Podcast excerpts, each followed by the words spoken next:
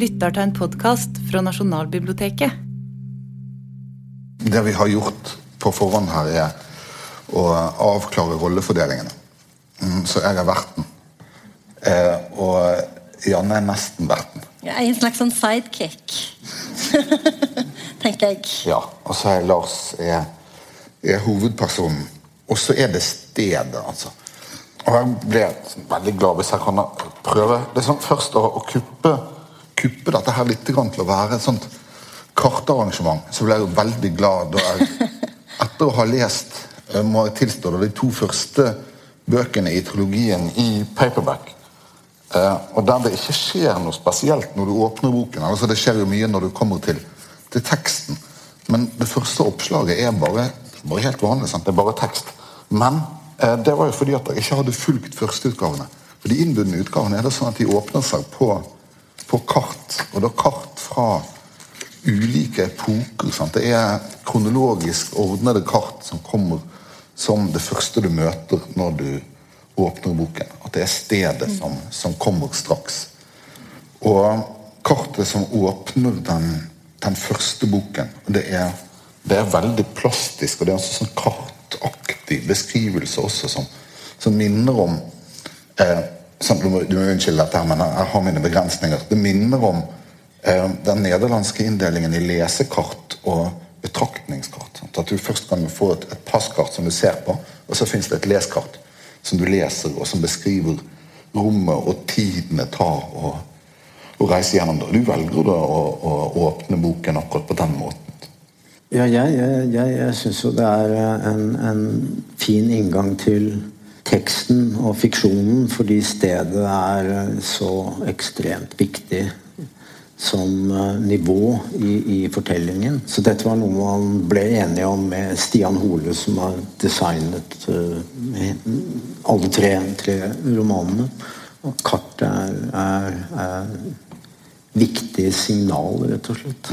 Litterært signal også. Mm. For det er da Prologen i, i det første bindet er da en beskrivelse av hvordan eh, av en, en reise. Det er jo ikke en hvilken som helst reise heller, men en, en reise gjennom en linje gjennom det terrenget eller territoriet som boken foregår i, nemlig da Kirkeveien fra eh, Frogner plass og akkurat til toppen, der den møter Geitmyrsveien. Der bor jeg. Ok. Akkurat der som eh, Ja, der er du med, da. ja, ja sånn, så Det er kjempefint. Jeg ble så glad da, da jeg så dette her. Eh, men jeg ble også slått av Og igjen da, sånn jeg unnskylder meg litt for, for eh, nærsyntheten. Men nede på, på kartsenteret så har vi eh, flere bøker som utlegger geografi som en scene. På 1570-tallet, når man virkelig kunne snakke om geografi, så snakket man om teatret. Her er det det skal skje. Eh, og, og senere da i, i den nederlandske 1652-utgaven av Olaus Magnus' bok om de nordiske folkenes historie, så snakker han om da de nordiske landenes scene. Mm. Det, det er fint, sant? for det er en scene som både er, er plastisk og konkret, og mer allmenn på et vis. Ja, ja det, det, I og for seg er det akkurat de samme begrepene jeg bruker når jeg tenker sted og, og, og fortelling. At uh, alle fortellinger må finne sted et sted. Altså, jeg, jeg må forankre det i en, i en gitt stedsangivelse. og Da, da betrakter jeg jo selvfølgelig dette stedet og området som jeg beskriver som en, en min scene, hvor mine karakterer utspiller sine, sine liv, og, og relasjonene eh, oppstår. Så, så jeg er veldig fortrolig med den, den måten å se kartet på, da. Mm. I, i sånn karthistorisk sammenheng så fins det ikke noe vakrere sted å befinne seg enn mellom Og, og Olaus Ja, jeg er i godt selskap. Kroning. Ja. Dette er det, det som, som møter leseren når man åpner eh, det første bindet. Det er et amtskart over Oslo fra 1938. Og så kommer vi inn her. Så da, dette er den ruten som du beskriver i åpningen her, Sånn Frogner plass. Så opp Kirkeveien da, til eh, Følger med sånn. Ja. Du har- Ja, jeg skjønner ingenting av det, men Knekken der er da eh, skolehavene, og øverst der som Kirkeveien slutter. Så det er liksom da en, en hovedpulsår gjennom fortellingen.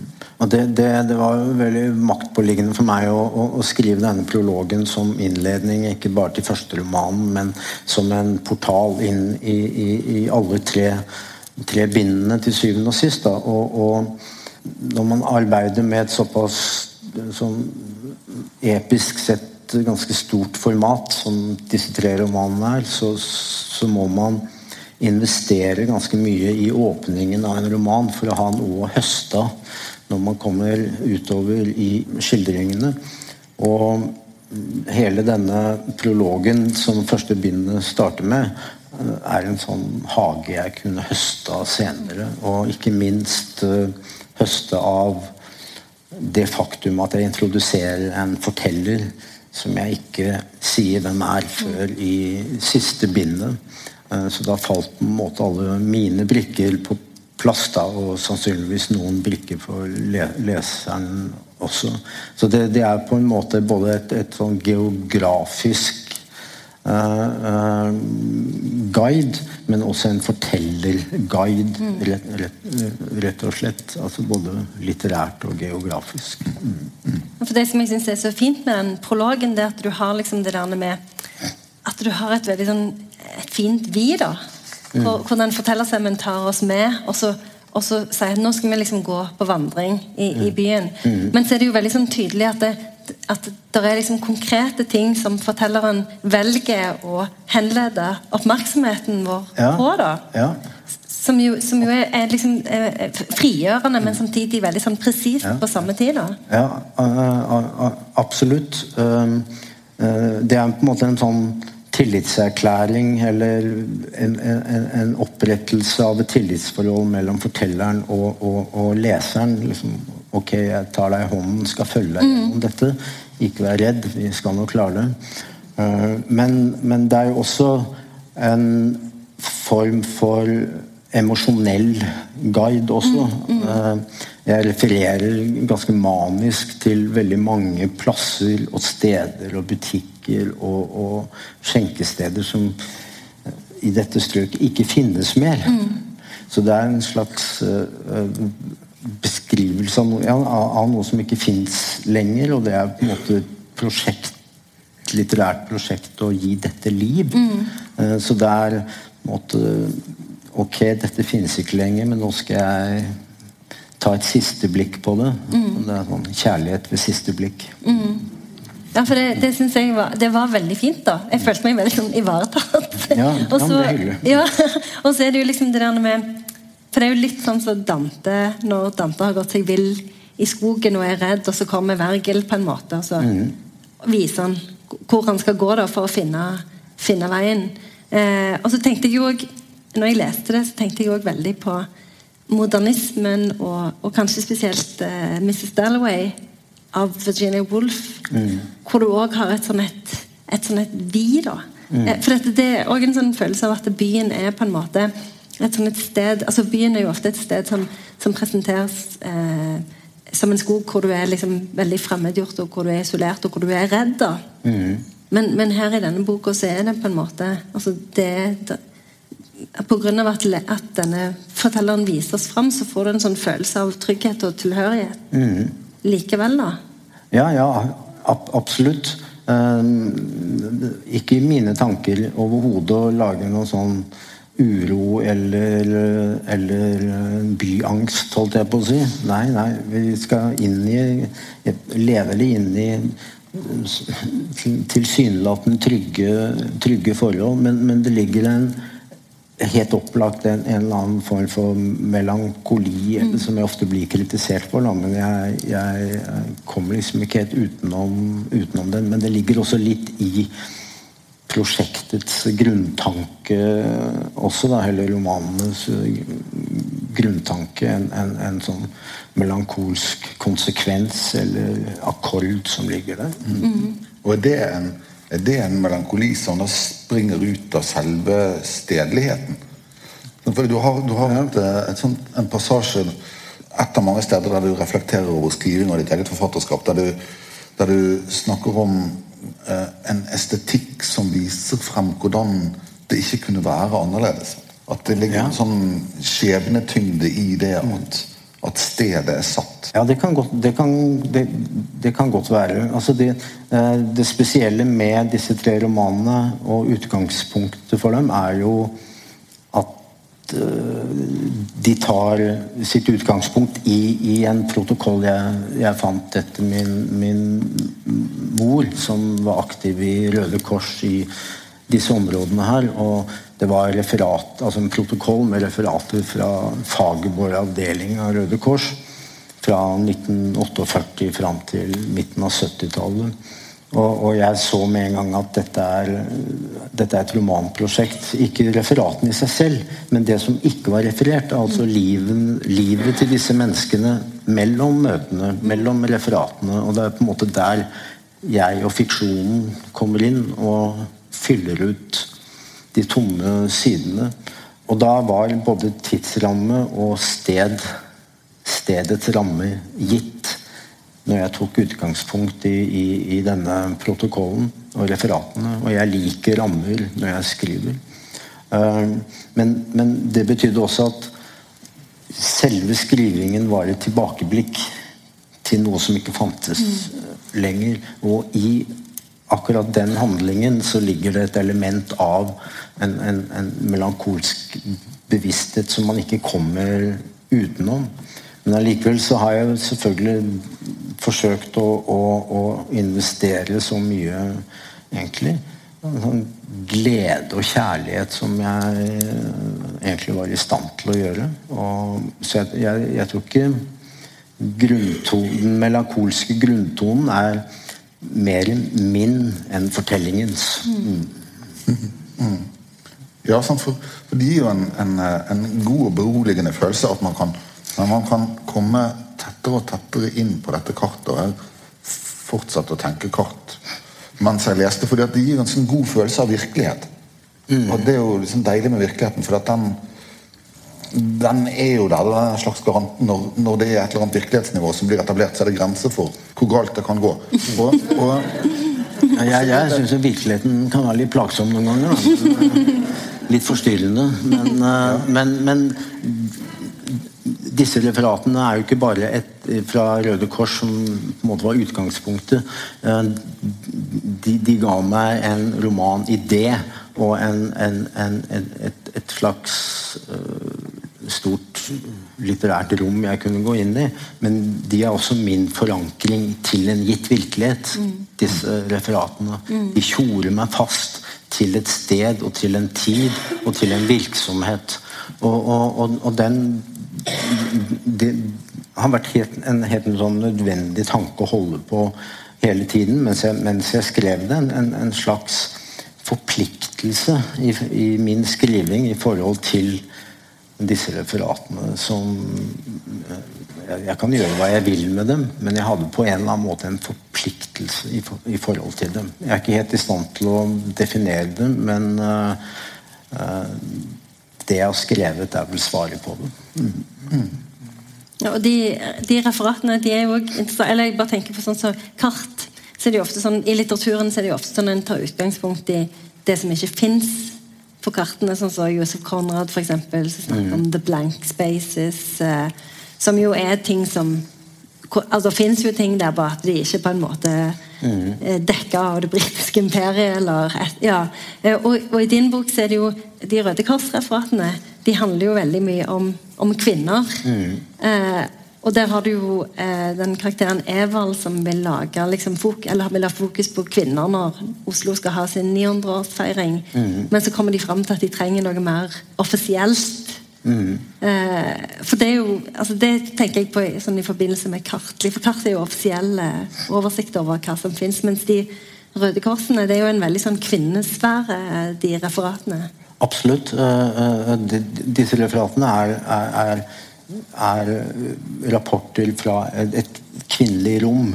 Og, og det som jeg syns var mest utfordrende eller interessant når jeg leste dem, det var selvfølgelig alle, alle de konkrete opplysningene om Oslo som jeg ikke helt, faktisk ikke var helt klar over. Hvor mye nød, hvor mye uh, misbruk, hvor mye hjelp som skulle til i denne byen, og også i dette, dette strøket. Men jeg forestilte meg også at disse kvinnelige, disse møtene hvor det bare var kvinner, at de, de var et, et pusterom i en verden hvor, de, hvor, det var ganske mye kontroll og sosial kontroll. Hvor disse, disse, møtene ga muligheten for å kunne snakke om ting i fravær av disse mennene som var rundt dem. Mm. Mm. Og som setter agendaen. Og det er der Evald prøver å lure seg inn. da. Ja. og klarer det delvis. Klarer det delvis. Forløser noe der, altså. Det, eh, altså for her, jeg tenkte på dette i forbindelse med en passasje helt på slutten av, av det siste bindet. Når du eh, snakker om, om, romanen 'Beatles' som, som kom til meg, sier det Eh, på Gare i Paris sommeren 1977. Og at du ser alt sammen helt plutselig.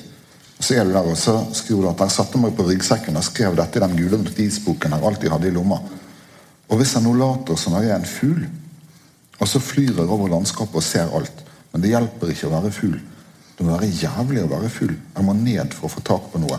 Jeg må komme like ved. Jeg har ikke vinger. Mm. Og det er jo sånn der, eh, det er sånn, en sånn passasje der som beskriver akkurat denne gangen fra, fra det offisielle til, til det der uh, intime og virkelige rommet. Mm. I det øyeblikket du krysser fra, fra kartet til, uh, til, huset, som jo mm. til og med er der fremdeles. Mm. Ja. Og som du har bodd i. sant? Ja da. Ja. Uh, tredje etasje der. Nei, annen etasje på hjørnet der. og det, dette bildet er fra 30, tatt på 30-tallet. Uh, og dette er en leilighet hvor moren min uh, vokste opp i. Så, så jeg, og jeg blir ekstremt inspirert av gamle fotografier, uh, også i et arbeid som dette. og Det som er interessant med dette, dette bildet, er ingen mennesker der, men menneskene er der allikevel. De er, du kan bare ikke se dem, men de er jo der inne. Da tenker jeg kanskje moren min sitter inne i stuen der akkurat på det bildet. der. Utrolig fascinerende. Mm. Og det, det er sånn litterært inspirerende også, også, for meg. Men det sitatet du hadde fra like før jeg begynte å skrive på romanen 'Beatles', da, som også spiller en vesentlig rolle i, i siste bind av, av, av 'Byens spor', det, det, er faktisk ordrett noe jeg skrev i, i, uh, i notatboken min, som du sier, uh, da jeg fikk tanken om å skrive romanen 'Beatles'. og det, det, er, det, er, veldig interessant synes jeg, å lese det om igjen i dag. at jeg har disse gamle notisbøkene. fordi det er en sånn ekstrem ærlighet i, i, i det. Det er ikke noe, det er, det er ikke noe teoretisk eh, Jeg prøver ikke å være jålete eller spesiell eller noen ting. Det er bare sånn er det. Sånn er det for meg å skrive. Jeg må se fly over et sted, og så må jeg komme helt nær menneskene. Mm. Det, er min, det, er min, metode, rett og slett. Den har jeg hatt hele tiden, egentlig. Eller fra det øyeblikket. Ja. Det er sant, for det er flott å kontrastere med at, at, det faktisk er en fugl som flyr der oppe. Mm. Og har det helt jævlig. Da var det, da var det et øyeblikk eh, der jeg tenkte at kanskje det er helt jævlig å, å jobbe på kartsenteret. Sånn, bruke hele livet sitt på å stå og, og være en fugl. Men det er veldig gøy, for jeg jobbet en del med sånn eh, krimlitteratur i det siste.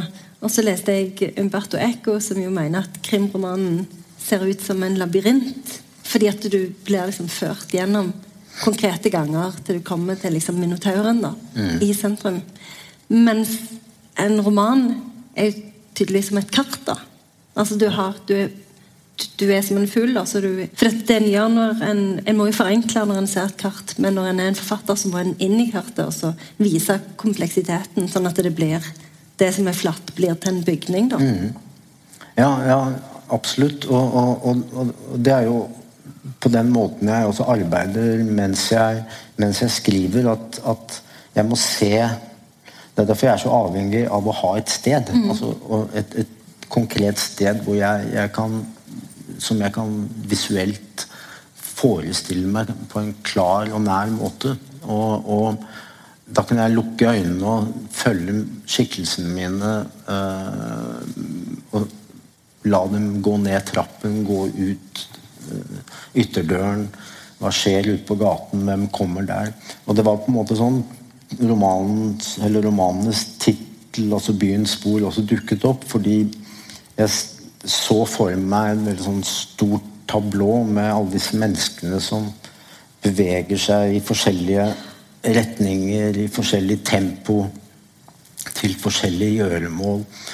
Og jeg hadde lyst til å følge alle disse menneskene. Og følge Jesper nedover Kirkeveien, men så forte meg over på Valkyrien for å møte et annet menneske og kanskje gå oppover Kirkeveien i stedet.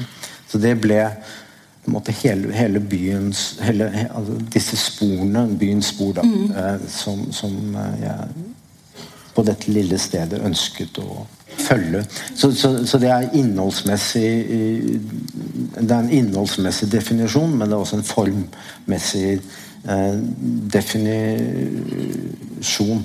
Og, og, det er faktisk innarbeidet så, så nøyaktig i, i, teksten og skrivemåten så eh, at, at én setning kan begynne med én karakter, og så følger jeg denne karakteren til midten av setningen, og så slutten av setningen er det en annen karakter jeg, jeg egentlig bryr meg om å følge videre. Det er det visst ingen som har lagt merke til. Nå er det sagt. Gå hjem og les en gang til. Jo, jeg hører, jeg hører protestene i salen.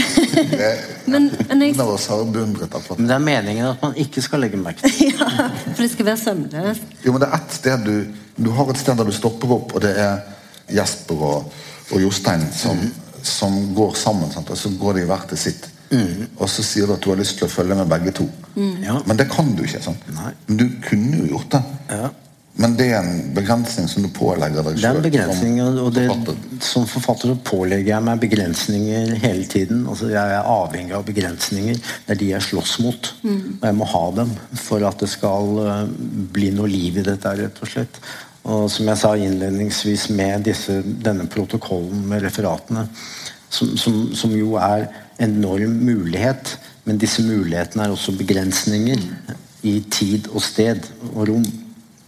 Og det må, jeg, det må jeg ha. Men det punktet som du nevner, der hvor jeg vurderer hvem skal jeg følge videre, det, det er jo på en måte en, et, signal om som jeg trekker da videre fra prologen, hvor jeg in introduserer en forteller. Han dukker opp noen steder i bind to, og så er han fullstendig til stede i bind tre.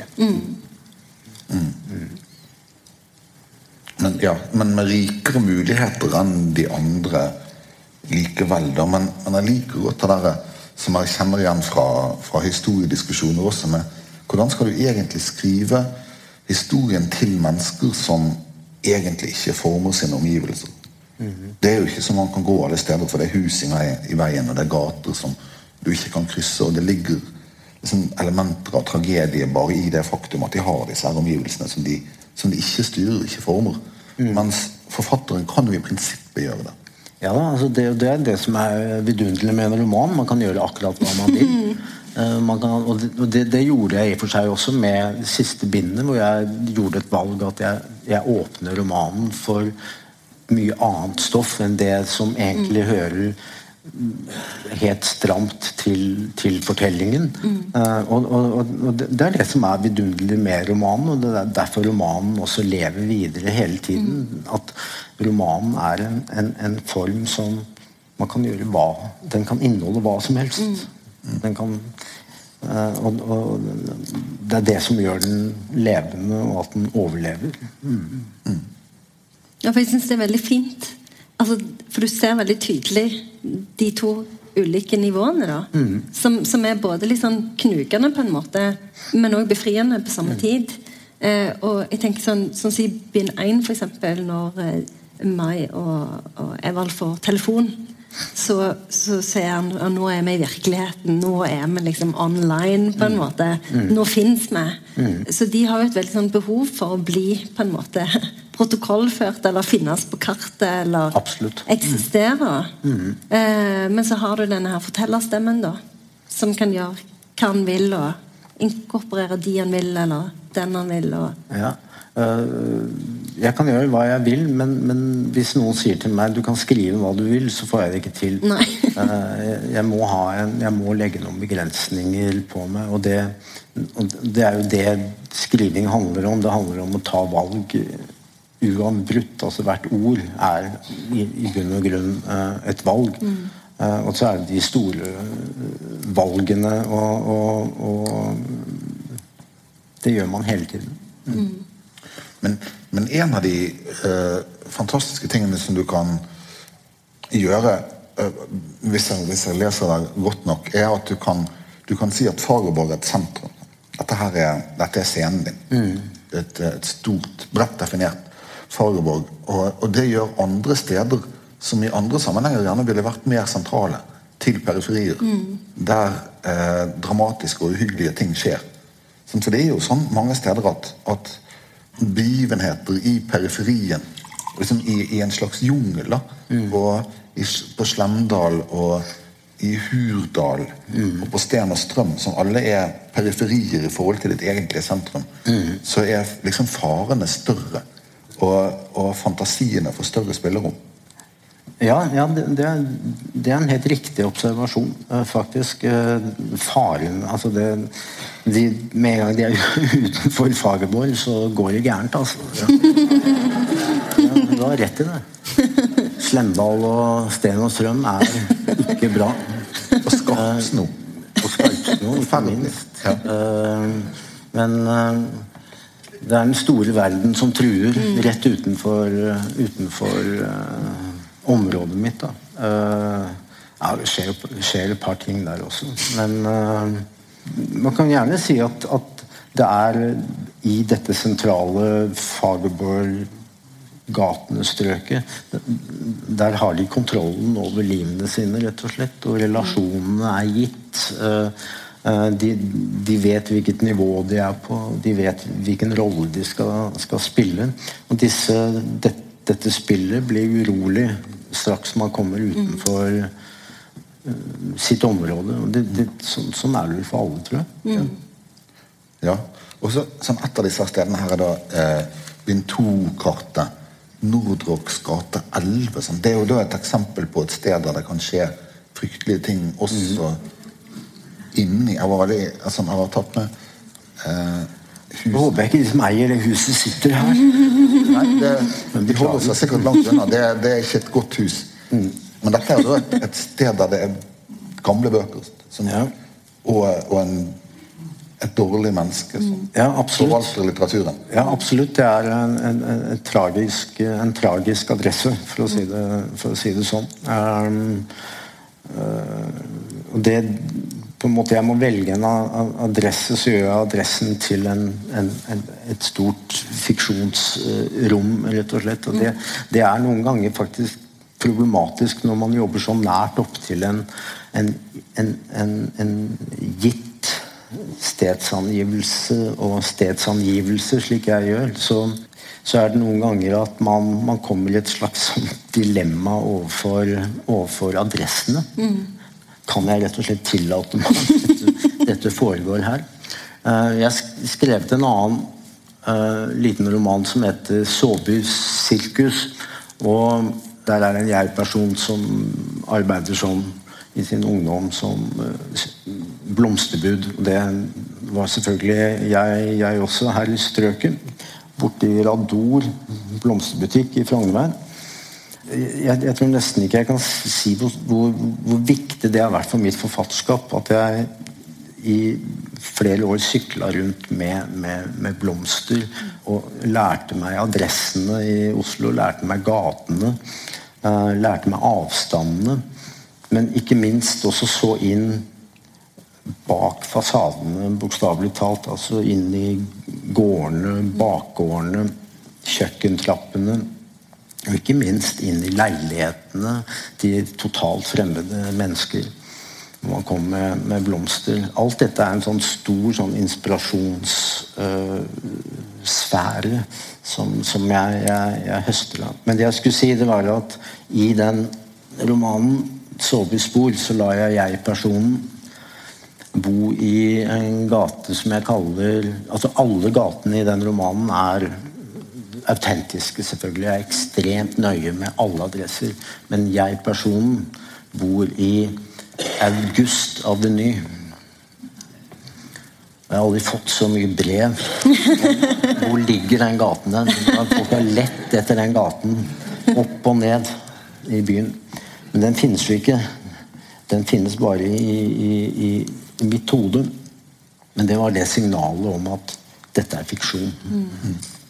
Ja, nei, vi hadde, vi hadde eh, rasende diskusjoner i Bergen da jeg studerte der om Kjartan Fløgstads 'Fyr og flamme'. Der det er noen som kommer reisende inn i Bergen fra fra sør, og så kommer det til Minde før det kommer til Paradis. Mm. Og det gjør man jo ikke. Eh, og Så vi diskuterte om det var, om det var litterært viktig.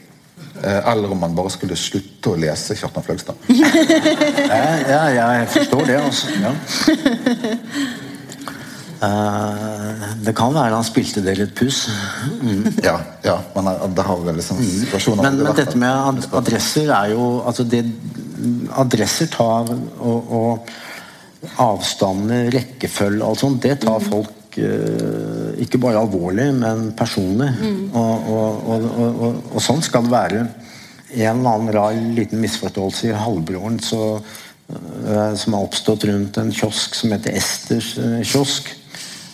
Jeg kan ikke gå gjennom strøket Fagerborg uten at noen stopper meg og sier Du, den kiosken i halvbroren, den ligger på feil hjørne. Det betyr at man har skrevet en sitt i ti år og arbeidet med en roman på 800 sider, så er det den kiosken man husker. Men man skal være nøye på dette. her altså. Det er, det er, Jeg setter jo min stolthet i at det er korrekt.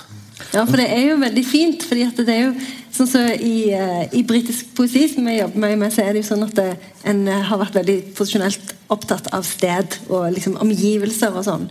Og så var det jo en periode hvor en var veldig bekymra for at det var i oppløsning. sånn Særlig etter andre verdenskrig. så var det jo sånn Philip Larken var sånn Alt er i ferd med å forsvinne. og Stedet fins ikke lenger med liksom i fullstendig driv. Men nå har jo det kommet tilbake igjen. da, sånn at en er veldig opptatt av sted.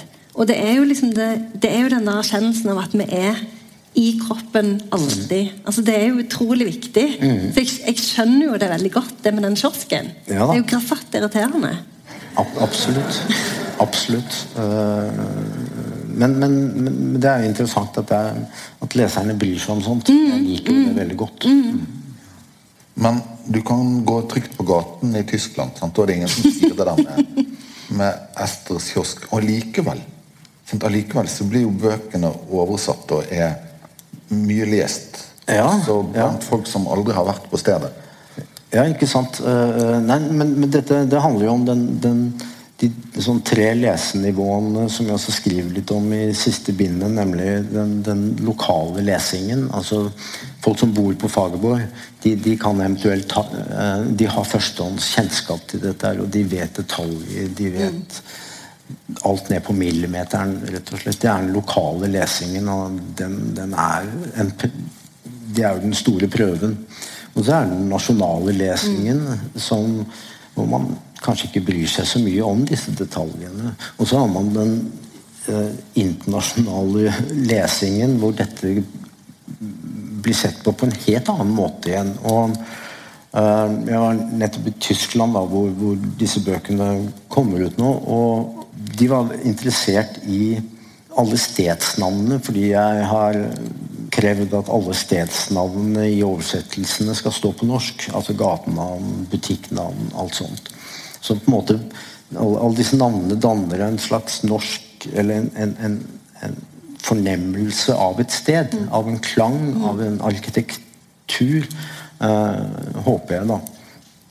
Slik at de leser, de leser, boken ikke som også som et portrett av Oslo, men også som et portrett av en by som sådan. Altså mm. byens mekanismer, byens poesi, byens relasjoner og øh, stemninger. Mm.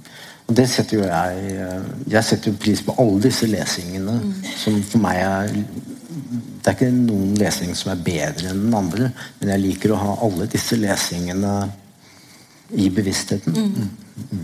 Et, sånt, et, sånt, helt vesentlig element som forholdet mellom tid og rom. Altså hvor lang tid det tar, og hvor mye arbeid det medfører å, å flytte seg fra det ene stedet til det andre, og hvor avstanden ligger mellom Mm. de forskjellige punktene på det litterære kortet. Det er allikevel vanskelig å oversette. sant? Det blir Ja. øh, øh, øh, altså, mange av oversetterne kommer på besøk, og de, en, en god oversetter må også sette seg inn i, i lokale forhold. Ikke nødvendigvis gå og se på hver bygning og, og, og liksom ha det med seg. En oversetter skal forholde seg til teksten, utelukkende til teksten.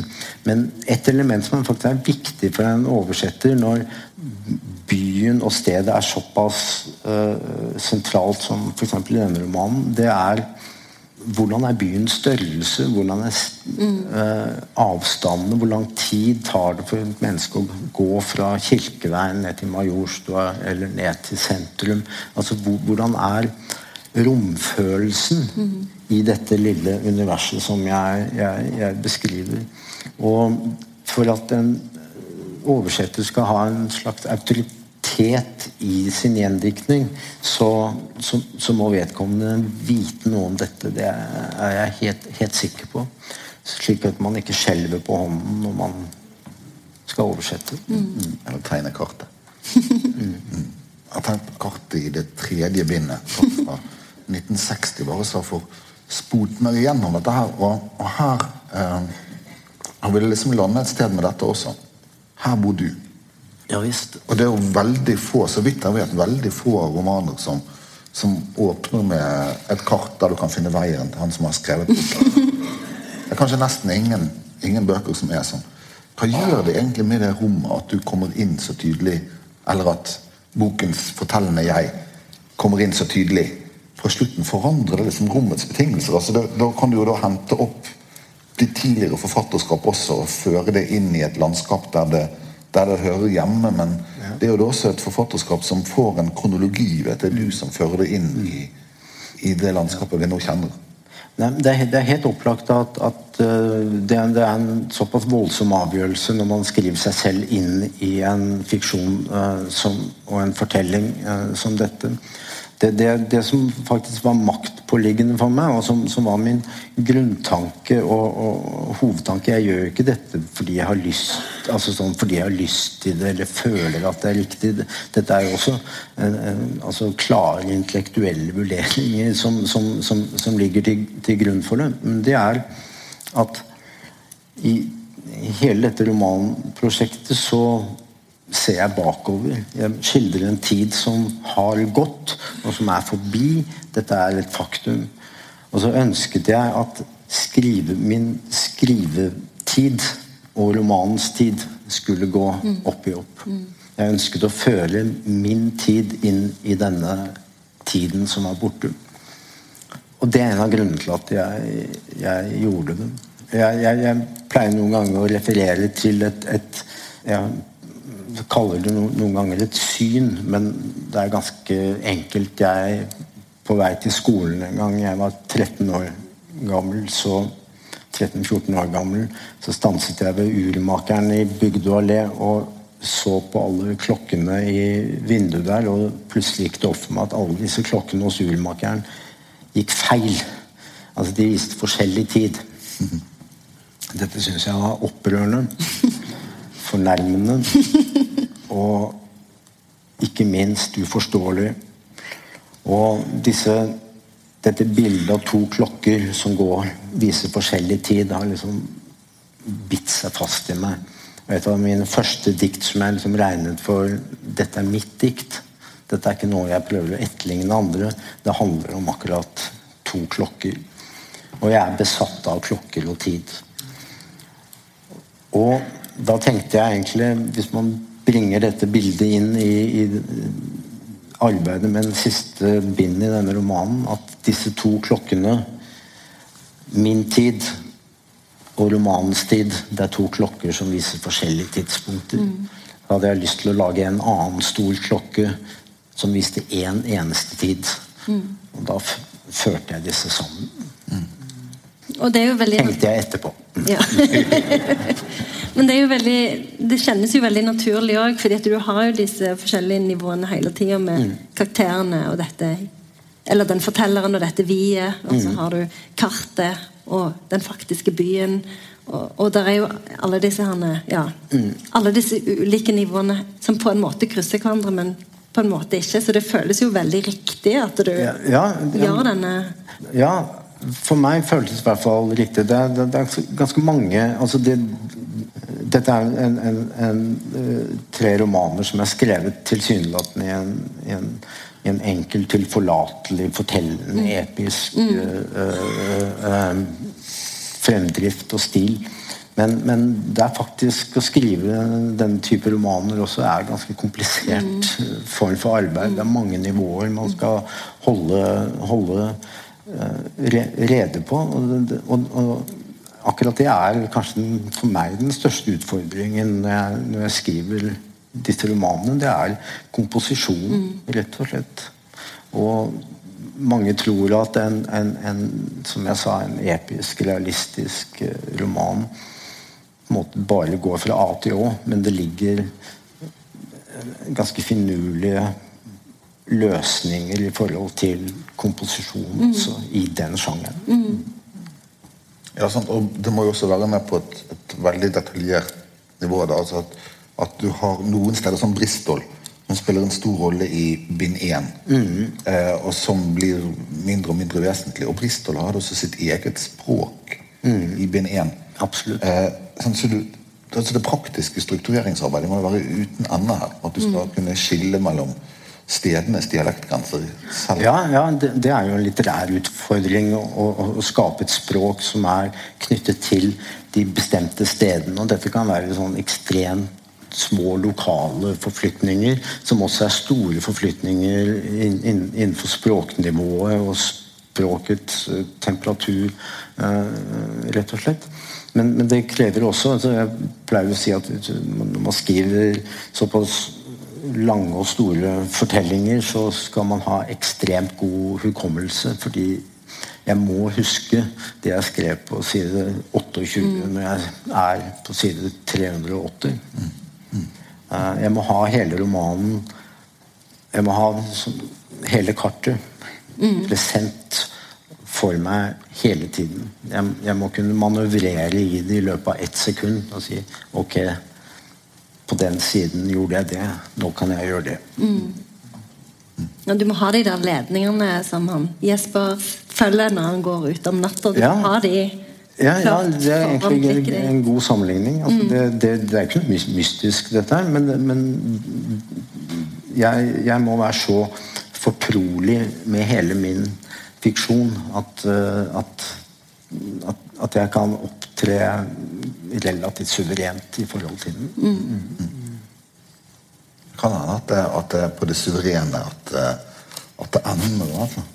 Det her, det her har vært, eh, vært helt uh, fortryllet av disse her bøkene med, med altså Suvereniteten er nå én ting, men, men også der, um, massivt virkelige. og det er klart ingen, ingen skikkelige folk snakker om virkelighetslitteratur, men, men når det er stedet som er virkelig, Ja. så blir liksom virkelighets, virkelighetens tyngdepunkt et annet. Ja, ja, ja, det er interessant. Ja. Ja, ja, stedet er virkelig. Absolutt. Og, og det betyr også at den, kanskje der kommer den, som jeg nevnte innledningsvis, denne form, en følelse av forpliktelse når jeg skriver også. At forpliktelsen overfor stedet. Altså, jeg kan ikke gjøre hva jeg vil med et sted. Jeg kan gjerne gjøre hva jeg vil med disse menneskene som jeg finner opp, men eh, stedet har sine lover. De må jeg nok følge inntil en viss grad. Det var kanskje dit vi ville. altså. At stedet har sine lover. Jeg syns det var veldig fint. Eller vi visste det etterpå. At det var dit vi ville. Kanskje. Tusen takk. Tusen takk. Tusen takk.